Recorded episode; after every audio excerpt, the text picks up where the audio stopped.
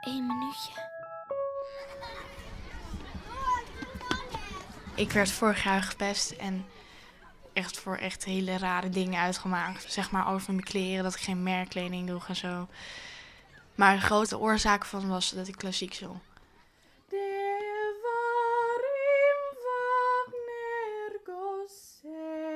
Ik zong altijd vrijdag voor de klas, want dat was een soort, eh, een soort toneelstukjes tijd of zo.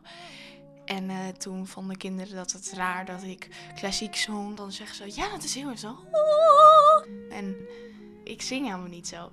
Alleen, ja, dan sta je daar en dan gaan ze je uitlachen.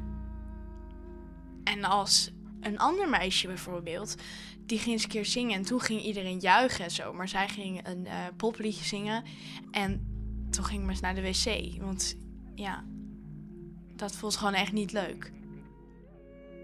Toen lachte ze me steeds elke week uit en toen had ik op een gegeven moment geen zin meer. En ja, dat is wel fijn in de middelbare school. Mensen vinden je misschien wel een beetje raar, maar je wordt, je wordt geaccepteerd.